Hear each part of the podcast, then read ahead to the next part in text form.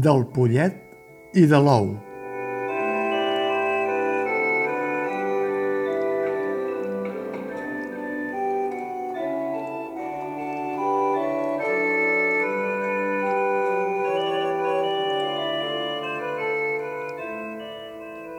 El Romeo Castellucci, te'l creus o no te'l creus? Romeo Castellucci entén el teatre des d'una òptica global.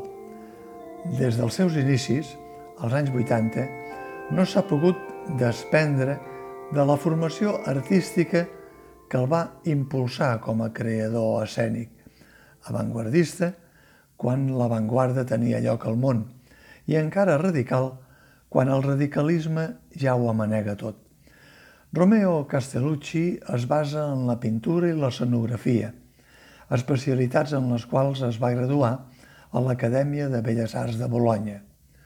Des d'aleshores, el seu teatre barreja les arts plàstiques, les arts visuals, les arts sonores, les arts coreogràfiques, deixant molt poc espai a la paraula i, de tot plegat, en fa peces portades a l'extrem com la trilogia de Vinyó, Inferno, Purgatorio i Paradiso, una divina comèdia que fa 15 anys es va considerar un dels monuments teatrals de la primera dècada del segle XXI.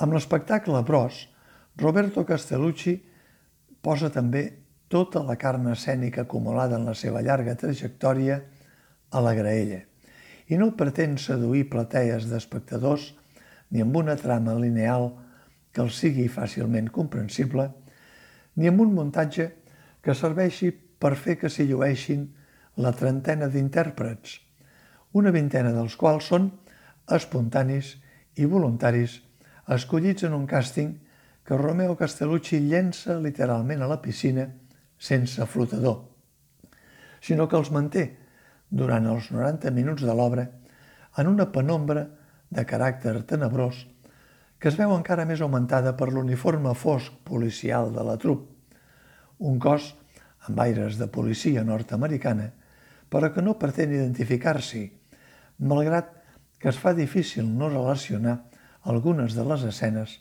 amb els constants abusos que les imatges domèstiques via mòbil han destapat en els últims anys d'algunes de les accions més controvertides que majoritàriament sempre tenen com a víctimes els afroamericans.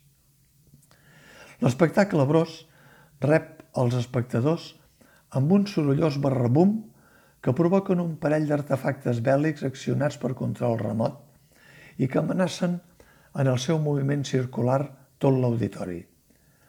Malgrat els decibels, a l'entrada de la sala Castellucci posa a disposició dels espectadors taps per a les orelles més sensibles, l'enrenou és suportable, però també és un alleujament quan es fa el fosc i s'atura en sec per engegar la roda d'escenes sense fil de continuïtat que forçaran la imaginació, ajudades per pòsters amb grans imatges, com la del retrat de Samuel Beckett, i amb escenes de tall coreogràfic en què els actors espontanis creen més d'una alegoria pictòrica en relació a la simbologia de fons de Bros, la violència generada per una massa a qui se li ha aixugat la possibilitat de pensar. Romeo Castellucci admet que no pretén donar mastegada una trama i que cadascun tregui la interpretació que vulgui. També es juga la credibilitat directiva quan fa que només tres dels intèrprets que formen part de la companyia saben de què va el muntatge, mentre tots els altres voluntaris s'hi troben pràcticament un dia abans per rebre unes mínimes instruccions i per saber que actuaran i reaccionaran a través d'ordres rebudes individualment a través de l'orellera. Si és així, com sembla que és, sense trampes, el resultat és d'una coordinació milimètrica que faria creure que la companyia ha tingut tres mesos d'assaig i que ve d'una extensa gira. Però el fet és que la vintena llarga de voluntaris s'ha trobat com aquell qui diu dins d'un uniforme de policia, amb porra i revòlver a la mà, amb escenes d'extrema violència, com la del torturador i el torturat, i amb altres escenes no gens plaents per a tots ells, com la remullada, en estat gairebé epilèptic, sobre un escenari que xipolleja. El muntatge gros és un devessall d'imatges, icones, metàfores, simbolismes. El passeig amenaçador del policia amb dos gossos llop i de tortures i humiliacions corporals que deixen els espectadors en un estat gairebé semiletàrgic, incapaç en molts casos d'assimilar-les totes i trobar-los un encaix dins de la filosofia de l'obra. Com a contrast, la presència inicial d'un Matusalem amb gelava blanca i barba de tres pams i una branca d'arbre bíblica que manté un discurs en llengua indescifrable. Quan la curiositat porta a esbrinar qui pot ser, s'hi reconeix Jeremies, el vell profeta que va avançar que cauria el càstig de Déu sobre els reis de Judea per l'estat de violència i corrupció que s'havien muntat entre tots.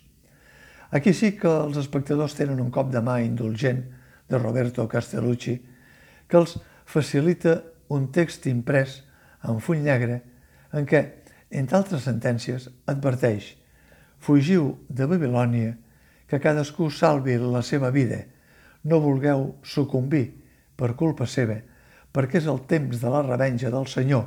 Ell li donarà la paga que es mereix». Bros és ple de sentències com aquesta que els espectadors veuran també projectades.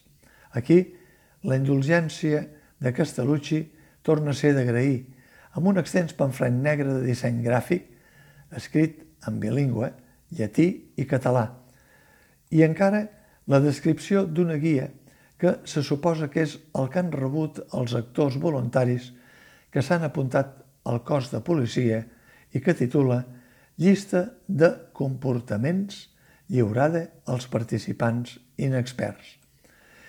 És així com se sap que tots ells, i potser indirectament els espectadors també, han d'estar disposats a fer de policia. Han d'estar disposats a seguir escrupulosament les ordres encara que semblin contradictòries. Han de seguir-les amb fredor sacerdotal, ni que no les entenguin.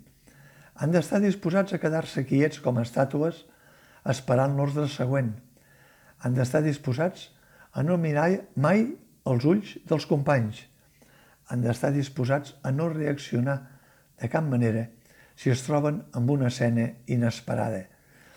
Han d'estar disposats a no reaccionar si els espectadors els increpen i han de saber que no explicaran a ningú quines ordres han rebut per l'orellera i, sobretot, han de tenir clar que, quan executin religiosament totes les ordres, aconsegueixen l'ofrena que com a actors voluntaris faran al teatre. Només un subtil lligam iconogràfic és l'eix més comprensible de tot el muntatge gros. Del vell profeta Jeremies de l'escena inicial, el petit, el nen voluntari, que en podríem dir també el futur profeta Jeremies que tanca el cercle. Els dos amb túnica blanca. El petit Jeremies rebent com un relleu una de les porres de la policia.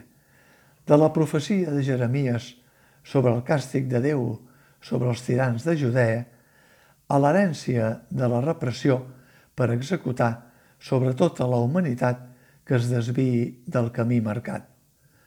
De pulo et ovo, del pollet i de l'ou. Què ha estat primer, l'ou o el pollet? Què ha estat primer? El vell profeta Jeremies o el petit executor Jeremies? Què ha estat primer? La violència o el violent? Repetiu amb Romeo Castellucci, de Pulo et Ovo, del pollet i de l'ou, de Pulo et Ovo, de Pulo et Ovo, de Pulo et Ovo, de Pulo e tomo, e pulo, e tomo.